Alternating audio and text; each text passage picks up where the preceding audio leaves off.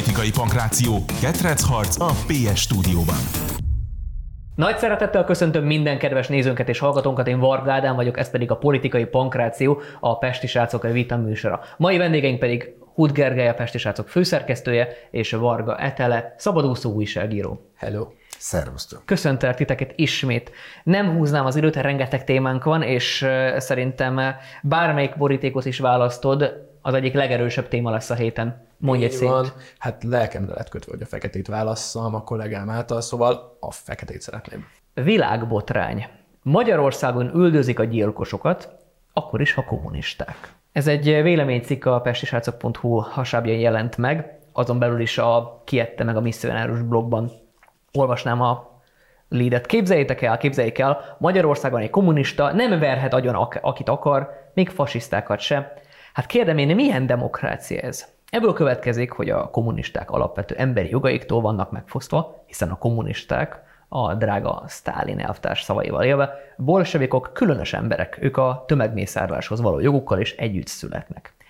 Elképesztően brutálisan bánik a magyar kormány a kommunistákkal, korlátozza őket az önkifejezésben, az önmegvalósításban. Nyilván ez egy véleménycikk. Ez az antifa, még annyit, hogy ez az antifa botrányhoz kapcsolódik, minek utána a az antifák szülei hozzátartozói barátai rokonai kiskutya kismacska panaszkodtak, hogy a magyar ítélethozatal, illetve a magyar bíróság rendőrség túl szigorú. De látom, benned van egy gondolat, enged ki.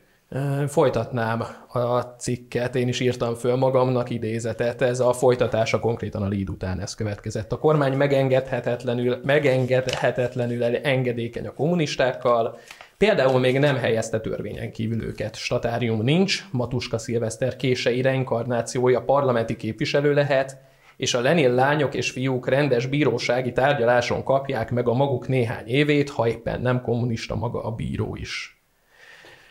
Nekem nagyon-nagyon komoly aggájaim voltak ennek a cikknek az olvasása közben. Talán a legnehezebb témával nyitunk most különben. Én nem tudom, nekem egy olyan fölfogás, ami statáriumot követel, meg úgy ideológiáknak bármi nemű tiltásáról beszél, az nem biztos, hogy sokkal jobb ezeknél a szélsőséges ideológiáknál, mint amit azok képviseltek, akik embereket vertek a nyílt utcán Budapesten. Én nekem ez, ez önmagában már elég sok kérdést fölvet, de erről még beszélgetünk. Úgyis majd te hoztad, szóval...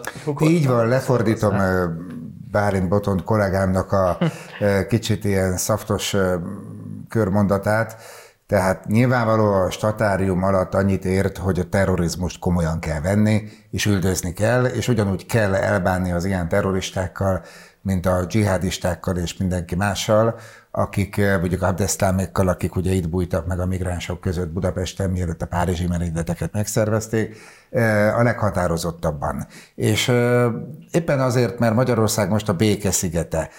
Nem hoztam a témaként, és nem is akarok rajta elidőzni, de ugye Ács Dániel arról hadovál a Telexen, 4 kollégám, hogy én őt és a családját minden gondolkodás nélkül a Dunába lőném, ha megtehetném.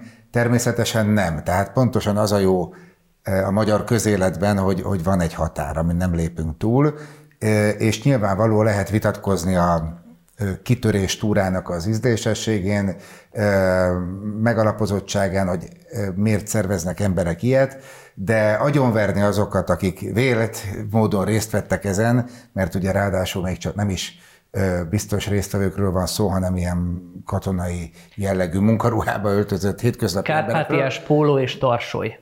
Tehát ez már... Ez már gyakorlatilag indít... életveszélyes támadáshoz, ami tényleg csak ennyi múlt, láttuk a viperás támadást, okay. tehát hajszálom múlt az ember halál, No, ezek terroristák, és Botond semmi másról nem ír, mint hogy terroristához méltóan is kell velük bánni. Igen, szállazzuk is szét a sztorit, mondjuk el pontosan a nézőknek, hallgatóknak, amit mi tudunk. Tehát itt amit mi tudunk az, hogy volt három külföldi állampolgár Magyarországon, jól tudom, két német és egy olasz, akinek egyébként most mindannyiuk, mindannyiuknak tárgyalják az ügyét. Illetve egy görög, aki még szökésben van, ha jól tudom. Így van. Bocsánat, tényleg kihagytam őt. Ez egy Hammergange, Hammergang nevű antifa, német bíróságon kimondottan bűnszervezet tagjairól beszélünk, akik Budapest utcáin ideológiai okokból vertek majdnem nagyon embereket. Ez az ideológia ez, pedig a kommunista ideológia, ez, ez, ez csak hogy azonosítsunk. Rohadt, rohadt nagy gáz. Szerintem Tegyük hozzá azt, hogy bárki, aki nemi, fai, szexuális, vallási vagy politikai nézetkülönbség miatt, hovatartozás miatt követel erőszakot mások ellen, az az egyik legsúlyosabb bűnt követi el. És bizony bele lehet akár a terrorizmus kategóriájába is ezt sorolni. Ezzel mindannyiunk közös alapvető emberi értékeit tipolják Ez a sárban. Ebben jó, nincs vita. sőt, sőt, sőt, hozzáteszem azt is, hogy nagyon örülök mindannak, hogy a bíróság szigorú, relatíve szigorú ítéletet kíván majd hozni adott esetben, az ügyészség szigorú ítéletet indítványozott szintén örömteli, illetve az is egy szerintem tök jó hír, hogy az olasz diplomácia végül is nem akar ebbe a sztoriba beleállni, és hagyja dolgozni függetlenül a magyar igazságszolgáltatást. Ebben szerintem itt biztosan nem Ezt lesz. örömmel hallom. Adalék a Ez történethez, bocsánat, adalék a történethez, hogy az Antifa, mint antifasiszta szervezet még a 20-as években alakult, amikor tényleg a nemzetszocializmus, a német nácizmus ellen lázadtak, majd a 60-as években a kommunista mozgalmak felkarolták őket. Lehet, hogy nem kommunistának indultak, de hogy már évtizedek óta, egy fél évszázad a kommunisták, az tényszerű. teljesen mindegy, hogy valaki fasiszta vagy kommunista, addig, amíg ezt a, ezt a jogát, hiszen itt jogunk van nekünk akárminek lennünk a világon, békésen gyakorolja, addig az égvilágon semmi baj nincs a baj, ott kezdődik, amikor ez erőszakká folyamodik át, amikor ebből erőszak képződik, és a szélsőségeseknél ezt azért elég gyakran láthatjuk. És nekem, hogy egy picit visszatérjek a véleménycikre, ami nekem itt a problémám, és ahol nekem most egy picit itt össze is ér a történet. Az, hogyha ezt a fajta, amit kedves kollégátok leírt, szélsőséges kommunikációt folytatjuk, mint amiben szerepelnek olyanok, hogy amiben szerepelnek olyanok, hogy, hogy neki milyen sanyarú szexuális élete van, és a többi. Ezek, ezek én azt gondolom, hogy pszichopata bocsánat, hogy nem segítik elő azt a fajta béke szigetének a, a megtartását, amit te itt említettél. A kulturált, konstruktív, szélsőségeket mélyen elítélő beszélgetés az az, ami hosszú távon Jó, én nem- megőrizhet én nem azt egy, állítottam- egy, egy, egy társadalmi békében. hogy a magyar közéletben őzikék dörgölik egymáshoz a nedves nóziukat édesen. Uh, igenis vannak markáns megfogalmazások, nagy szót, csaták, a- az internetes kultúrára alaposan rátette egy nöglapáttal, uh, de nem megy át a dolog tetlegességbe. Senki nem akarja a másikat megsemmisíteni, és ez egy nagyon fontos és jó sajátossága a magyar közéletnek. Bocsánat, csak minden mással egyébként egyetértek veled, és ez, ezt azért hallom örömmel, hogy felnőhet egy új baloldali újságíró generáció, amely nem követi a szerecsen mosdatásban a mostani balliberális médiát, mert ugyanis ezt az olasz terroristát minden módon mentegették az elmúlt hetekben a 444-en, a Telexen. Konkrétum, Gergő, tanárnőként, bebörtönzött tanárnőként hivatkoztak rá, mint hogyha a tanárnői minőségében lenne bebörtönözve. Az antifa jelzőt a 24.hu-n, vagy talán a HVG-n ki is hagyták a történetből, és ez csak a cím. És csak úgy Ennyi azt hozzá. azért tegyük hozzá, hogy ugye Jánbor Andrásék körei, a Szikra mozgalom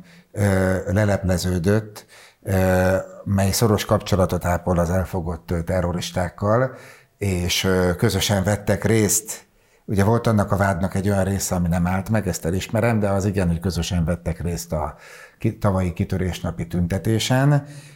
Majd ezt követően ugye szintén a Szikra mozgalom egyik tagja, mint egy pedofil bűnszervezet vezéralakja lepleződött le. Azért ez eléggé elgondolkodtató, tehát a bűn nem jár egyedül. Remélem, hogy erről a pedofil kérdésről amúgy még beszélgetni fogunk. Fogunk Amit biztosan. én mindösszesen tényleg hozzátennék ez a témához, még visszautalva arra, amit egy picivel korábban mondtál, hogy nem szokott átcsapni a kommunikáció erőszakba. Szerinted nem lehetséges az, hogy az erőszakosság kockázatát növelik olyan, most már talán klasszikusnak is mondható mondatok, mint hogy valakit a tapnyán és vérén kell bárhonnan kirángatni, vagy hogy valakinek szanaszét kell ütni a pofáját, mert én azt gondolom, hogy azok az emberek, akik például kimennek egy nemzeti ünnepre, ilyen hangok és ilyen szélsőséges mondatok által felpesdülve, felhevőve simán lehet, hogy a velük egyet nem értőnek, hát tényleg szét akarják verni majd. Ugye Bajer Zsolt írói munkásságának része, remélem, hogy beszél. ezek az eszmefuttatások, de, de Zsolt ezeket akkor szokta használni, amikor nagyon-nagyon bicskanyitogató eseteket kommentál. Mindig eléggé eléggé radikális esetekben nyúli el. Elkanyarodunk szerintem. Úgy érzem, nem, hogy ez egy nagyon fontos dolog. Nem, nem lenne most azt itt szabad megbeszélni, és talán egyetértést találni abban, hogy az ilyen szélsőség felé hajló hangok azok bizony kimerítik a kockázatát annak, hogy itt erőszakokba forduljon bármilyen cselekmény. Én nem gondolom, hogy ö, a mai korunk arról szólna, hogy meg lehet zabolázni a közbeszédet. Nem is kell, álságos. Általában olyanok szokták a leghangosabban követelni, akik a legtöbbet tesznek a közbeszéd elmérgesítéséért. Tehát ezzel én most nem foglalkozom. Viszont a terrorcselekmény, az erőszakra buzdítás, egyébként baloldali eseményeken láttunk ilyet folyamatosan, elég csak az úgynevezett diák tüntetésekre gondolni. A ahol Pintér stb. Sándort akasztva Tehát, ábrázolták.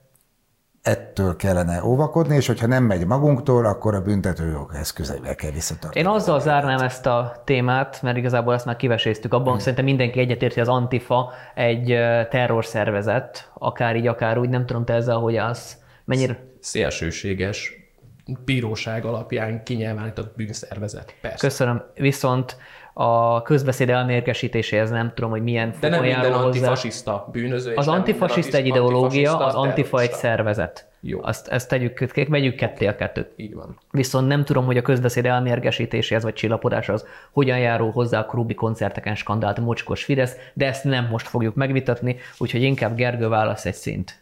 Arany. Konstruktív politizálás bel- és külföldön, kormány és főváros megállapodott Budapest és országbérlet ügyben, Szeged és a kormány együttműködik a BioID kapcsán, egyre több ügyben állapodunk meg az EU-val, Ukrajna pénze, Ukrajna, EU-s pénzek, stb. Vázolt fel, kérlek.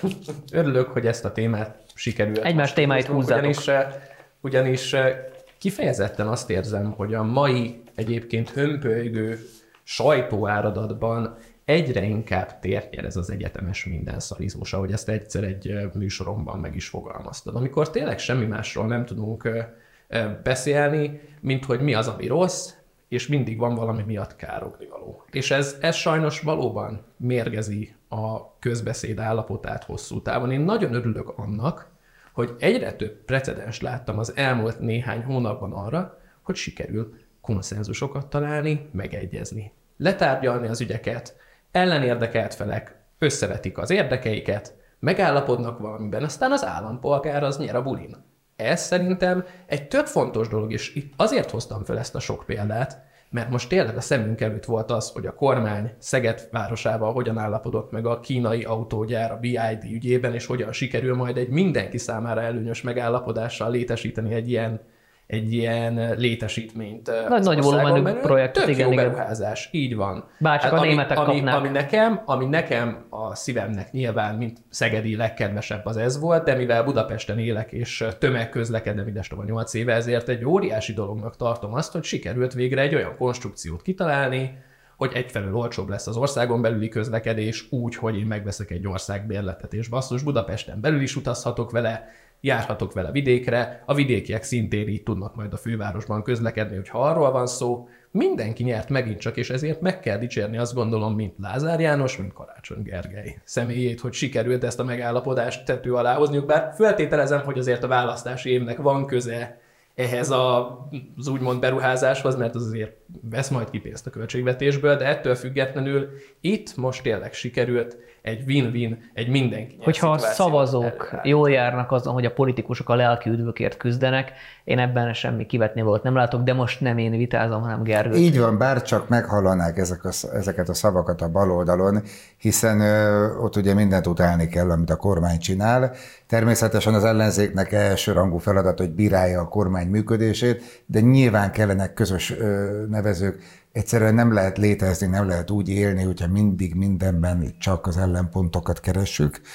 kellenek a megállapodások, kell az együttműködés.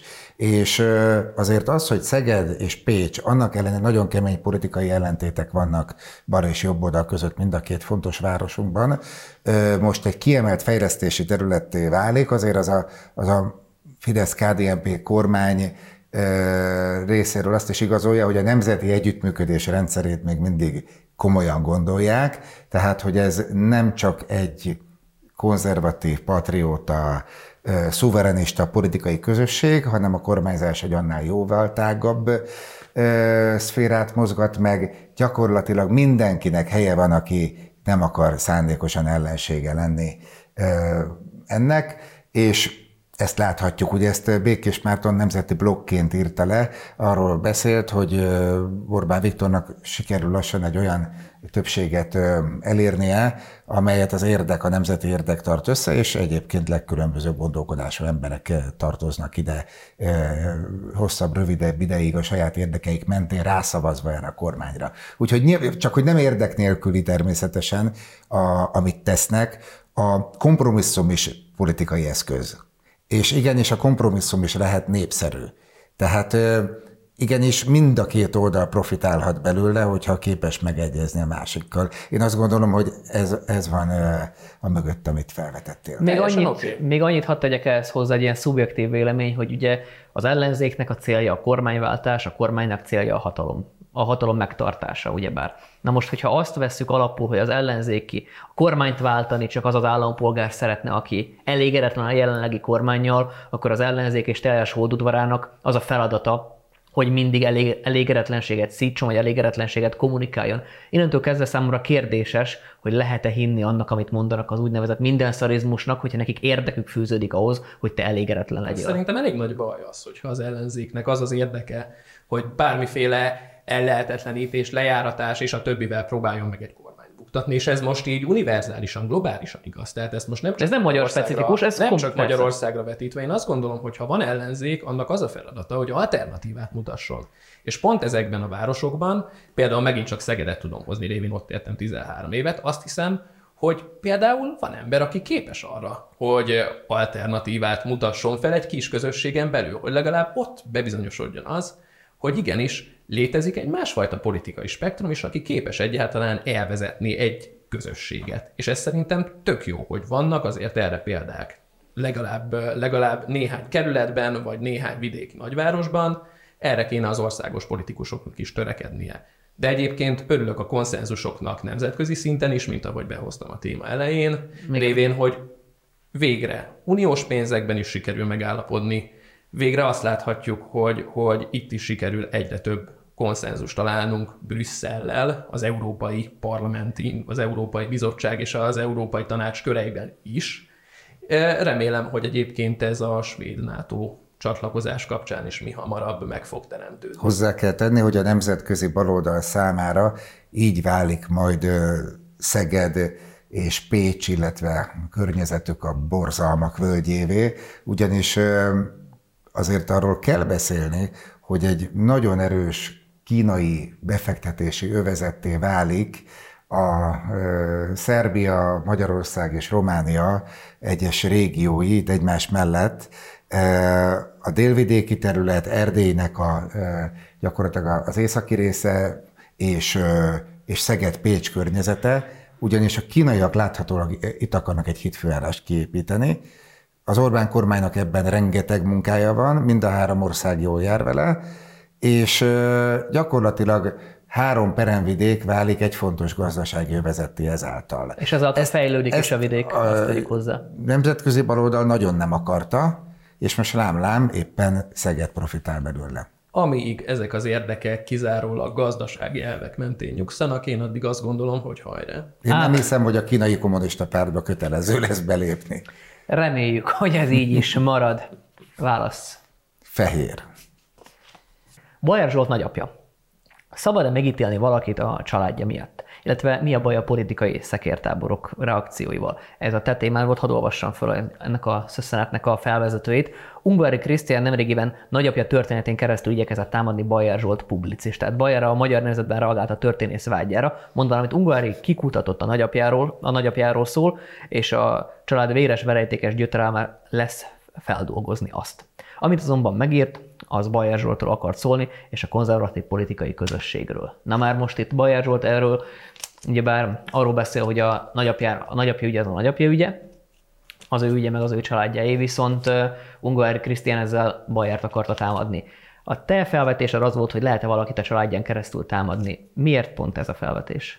Mert szerintem az, hogyha elkezdünk most azon szőrözni, mert én ezt most, persze történész szempontból ez egy fontos szőrözés, de politikai közbeszéd szempontjából talán kevésbé fontos részlet, hogy most akkor milyen levél, mennyire hiteles, hogy akkor pontosan mit csinált Bájár Zsoltnak a nagyapja, vagy mit nem csinált, hogy ő mentette, motozott-e és a többi. Szerintem nem ez a fontos kérdés, ugyanis itt és most egy ilyen ügy kapcsán az egész 20. századunkat véglegesen minden vérzivatarával együtt le lehetne vedleni. Egy ilyen erős politikailag elkötelezett karakter segítségével, akár mint Bájás volt. Ezért gondolom azt, hogy nagyon fontos, és ezt kéne leszögezni a közéletben, nagyon fontos, hogy nem lehet senkit megítélni az alapján, hogy mit csinált az ő édesapja, édesanyja, nagyapja, nagyanyja, rokona, és a többi. Ezért a gyermek, unoka soha nem tartozik felelősséggel.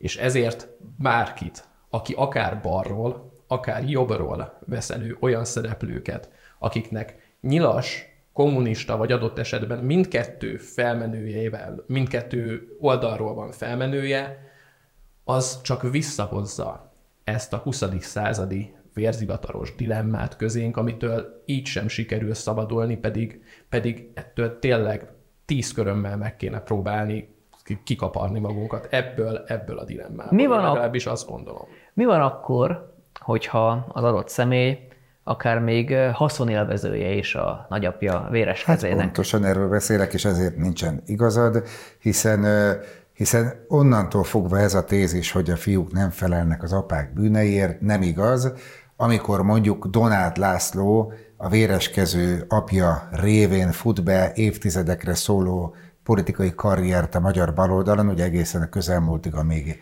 ilyen molesztálási ügyek miatt háttérben nem kellett vonulnia, ő egy meghatározó lakja volt a baloldali politikának, majd nem lehet félretenni a gondolatot, hogy a lánya Donát Anna is csak azért elmozdíthatatlan a Momentum élvonalából, hiába próbálkozott nagyon sok párás tekintetű vidéki ifjú betörni a Momentum vezérkarába, ott azért ez a, ez a nagyon kemény szülői háttérrel rendelkező klik erősen tartja magát, tehát ott is élek a gyanúperrel, hogy Donátának karrierjét az segíti, hogy ebből az ősi véreskező bolsevik családból származik. És hogyha ez így van, akkor onnantól fogva az apák vagy a leányok igenis felelnek az ő apjuk, vagy a fiúk az apjuk bűneiért, és és ezért is szoktuk ezt a témát rendszeresen elővenni. Ugyanakkor Ungvári rendkívül undorító eljáráshoz folyamodott, egy ilyen rémisztő, gusztustalan képződményként. Nyilván ő nagy boldogan megtalálta Bajer Zsolt nagyapjának nyilas múltjáról szóló iratokat, és akkor morfondírozott, hogy ez hogyan írja meg, és varázsolt hozzá egy ilyen, egy ilyen moralizáló eszmefuttatás, hogy hát hiszen a Bayer nem mondott igazat. De most a Bayer Zsolt sosem hazudott a ö, nagyapjával kapcsolatban, érintőlegesen a, ö, egészen kiskorában ismert, és utána meghalt hamar a nagyapja, ugye nagyapa képét érintőlegesen vette elő egy sok évvel ezelőtti nagy interjúban, ugye heti válaszban, ö, egy ilyen témában lehet tévedni, és nem lehet, lehet nem jól emlékezni minden részletre. Bajer Zsolt életét sem mennyire nem határozta meg a e, nyilas nagyfaternak a működése, az általa szervezett javak, és így tovább. Ezért az ő esetében nincs semmilyen bűn, amely Bajer Zsoltra rávetülne. Ennek nem, ellenére, nem örökölt elkobzott kastélyokat sem, Ennek ellenére, így van, ennek ellenére Ungvária Krisztián mindenképpen akart valami kapcsot találni, Bayer ősbűne, szókimondása, kommunistázása és a nagyfater működése között. Nagyon nyögvenyelősen sikerült neki, és ez innentől fogva egy gusztustalan téma. Donát Anna nem tudom, hogy ugyanazt gondolja-e, mint az ő édesapja, nagyapja, bárkie. Fogalmam nincs arról, hogy Donát Anna mit gondol ahhoz képest. Nem látok bele a fejébe. De hogy nem ugyanazokat a politikai üzeneteket közvetíti, az biztos. Én azt gondolom, hogy bárkit, tényleg akárkit befeketíteni, csak azért, mert hogy mást, mm, mm, hogy, hogy neki egy olyan háttere van, hogy neki az apja vagy az anyja itt politizált, ott politizált, körmöket tépett le, vagy nyilas volt, vagy bármi, nem, nem szabad. Egyébként magunkba szívunk, és ez egyébként megint csak egy fontos információ, mindannyian, akik közélettel foglalkozunk, nyilván családi háttérből bizonyos gondolatokat, és ez fontos, hogy megértse akár kormánypárti, akár ellenzéki, akár rendszerkritikus, akár teljesen politikától elzárkózó személy, hogy mindannyian magunkba szívunk gondolatokat otthonról és ezeket a gondolatokat nyilván valamiben majd a saját fejünkben áttranszformáljuk. Lehet, hogy pont az ellenkezőjét fogjuk képviselni most, hogyha a ilyeszire gondolunk például. Az édesapjához képest ő azért egészen más gondol a világról. Ez is egy lehetőség. De az is lehet, hogy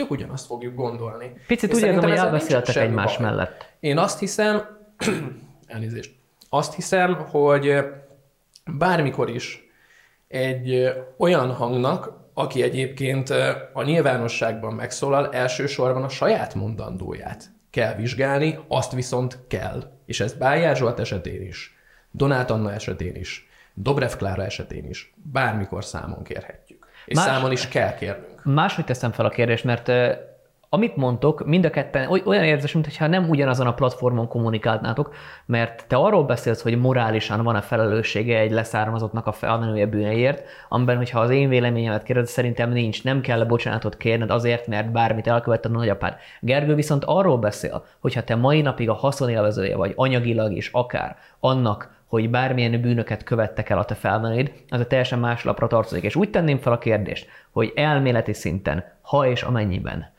a te szüleid rabszolgatartók voltak.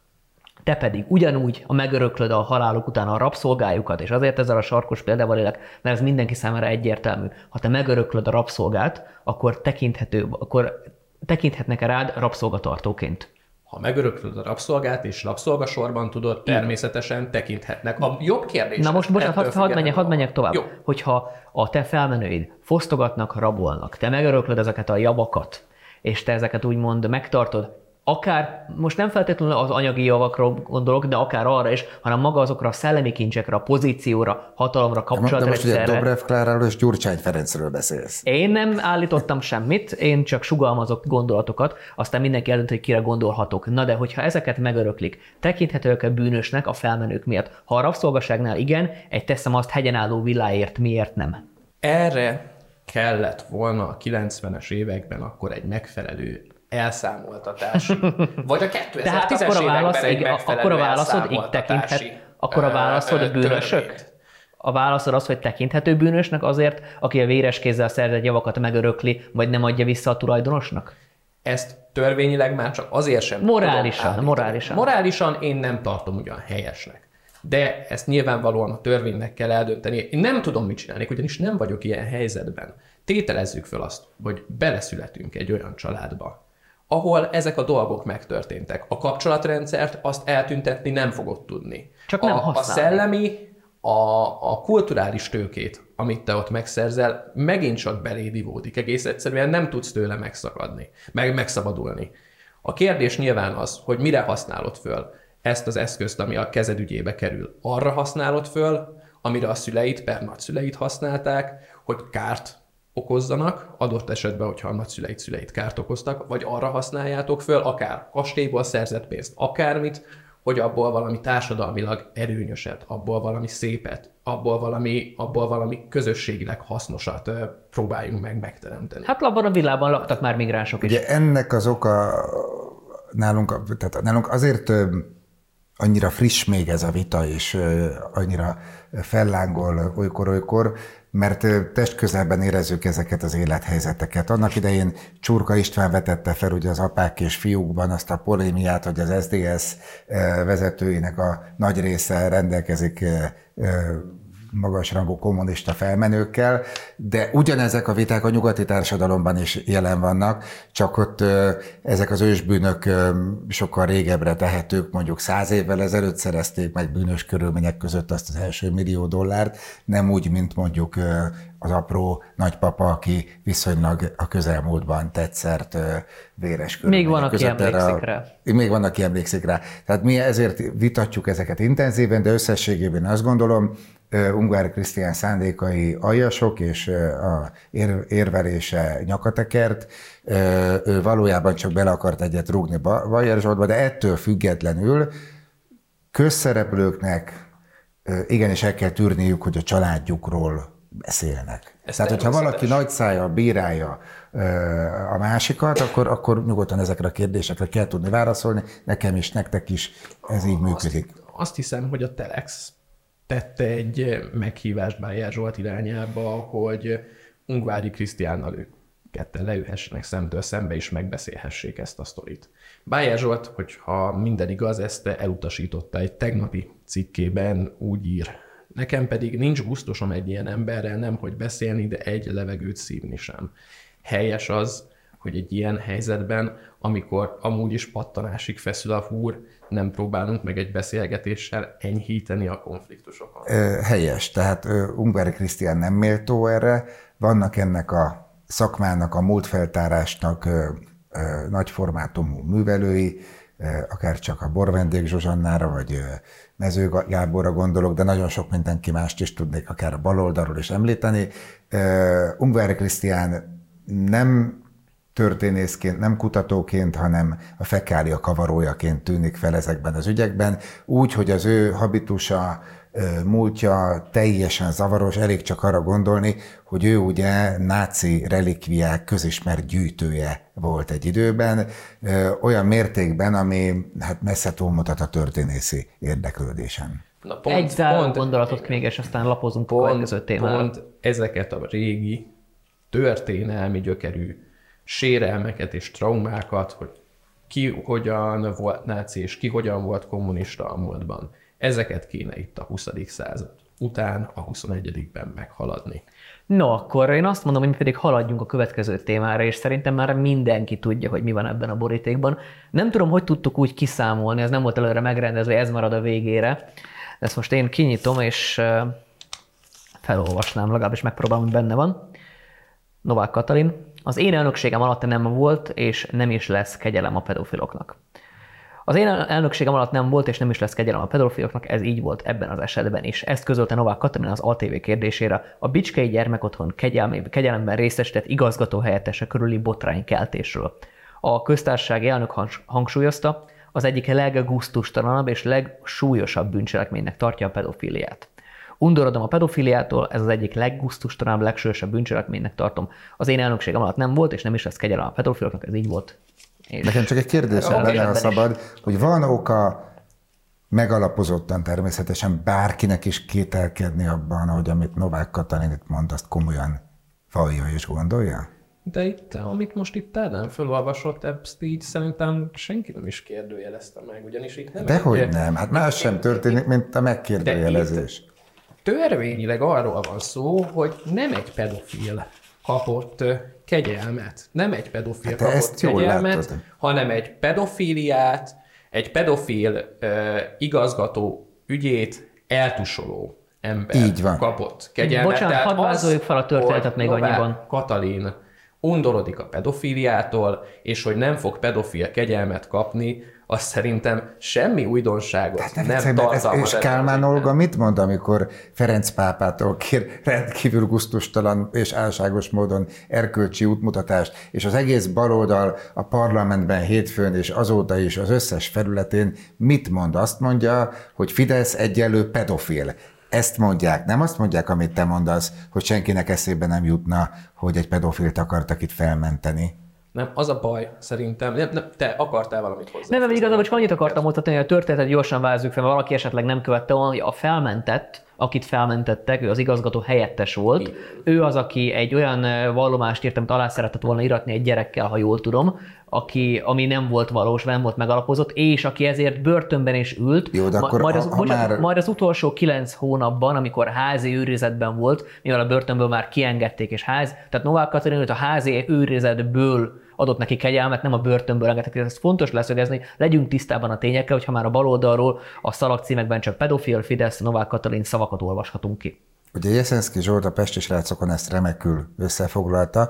Nagyon fontos momentum, még és én nem menek, mentegetem ezt a figurát, fontos momentum, hogy ő hitt abban, hogy az igazgató egészen biztosan nem pedofil. Ugye egy köztiszteletben álló, hitt abban, ez, ez például Füsi Angéla, a kolléganőnk, aki a pedofil botrányok egyik leg, legjobb ismerője és oknyomozója Magyarországon. Van egy nagyon szép film, az a filmját szép már, amennyiben szakmai szemben egy nagyon komoly riportfilmje az Akta című sorozatban nemrég raktuk ki a pedofiliáról.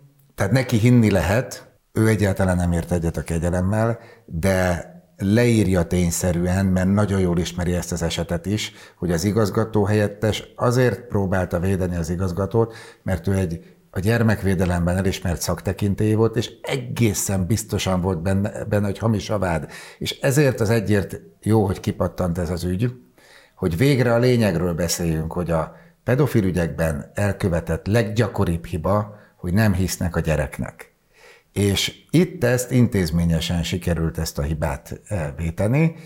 Senki nem vádol rossz indulattal senkit, tehát a kegyelemben részesített igazgató helyettes jó indulatát nem kérdőjelezték meg, csak ez egy hiba, egy nagyon nagy hiba, amiért adott esetben bűnhődni kell. És innentől fogva a kegyelem nem is arról szól, mint az intézmény sem arról szól, hogy Novák Katalin megmásította a bírósági téretét, csak mérlegelte a bűnhődésnek a körülményeit, ez egyébként a kegyelemnek a lényege, hogy már leülte a nagy részét, hogy ö, eltiltották a szakmájától, megbélyegezték, kirúgták, stb. Beteg az édesanyja, ő maga is beteg, és a kegyelem arról szól, hogy mindezt mérlegelve most már ennyi legyen elég a bűnhődésből, és kerüljön szabadlábra, vagy hát mentesüljön a. Te további következménye alól. Hát ugye jogi szempontból idézek most megint a magyar nemzetből, most elég sok magyar nemzetet olvastam.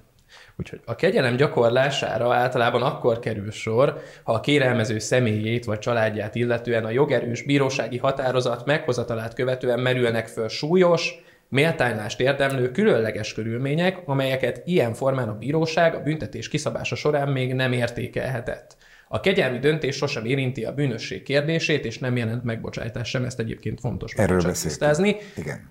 Ami szerintem nagyon nagy tanulság ebből az ügyből, mert ez, ez tényleg egy fontos tanulság, mert ennek erkölcsi, közbeszédügyi, nagyon sok vonatkozása van, hogy szeretnék tudni a méltánylást érdemlő körülményeket, amit a köztársasági elnöknek ilyen esetben, vagy pedig a köztársasági elnöki kegyelmet ellenjegyző igazságügyi miniszternek meg lehetne tenni, mert befelejtsük el hozzátenni, hogy minden egyes kegyelmi kérelmet, amit pozitívan bírál el a mindenkori köztársasági elnök, azt a mindenkori igazságügyi miniszternek is ellenjegyeznie kell, akkor válik érvényesség. Öncárpád esetében volt rá például, hogy Dávid Ibolya nem írta alá egy ilyen kérelmet, de nem is, nem is uh, lépett életbe.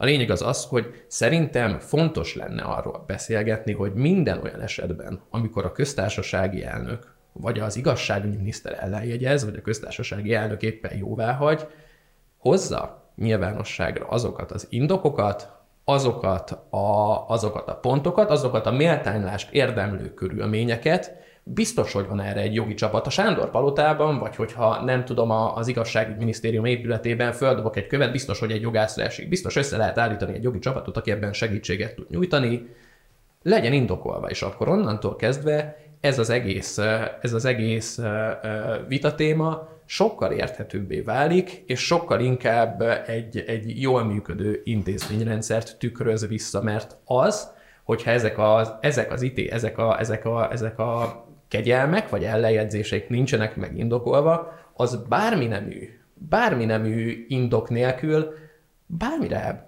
kifuttathatók a Hadd kérdezzem meg, bocsánat, Te most ezt felvázoltad, oké, de nem neked kell felvázolnod, ugyanis nem te voltál az, aki ezt a kegyelmet ellenjegyezte, per aláírta. Hadd kérdezzem meg, mielőtt tovább mennénk, hogy te Egyetértesz jelen információ alapján, egyetértesz azzal, ez az ember kegyelmet érdemelt.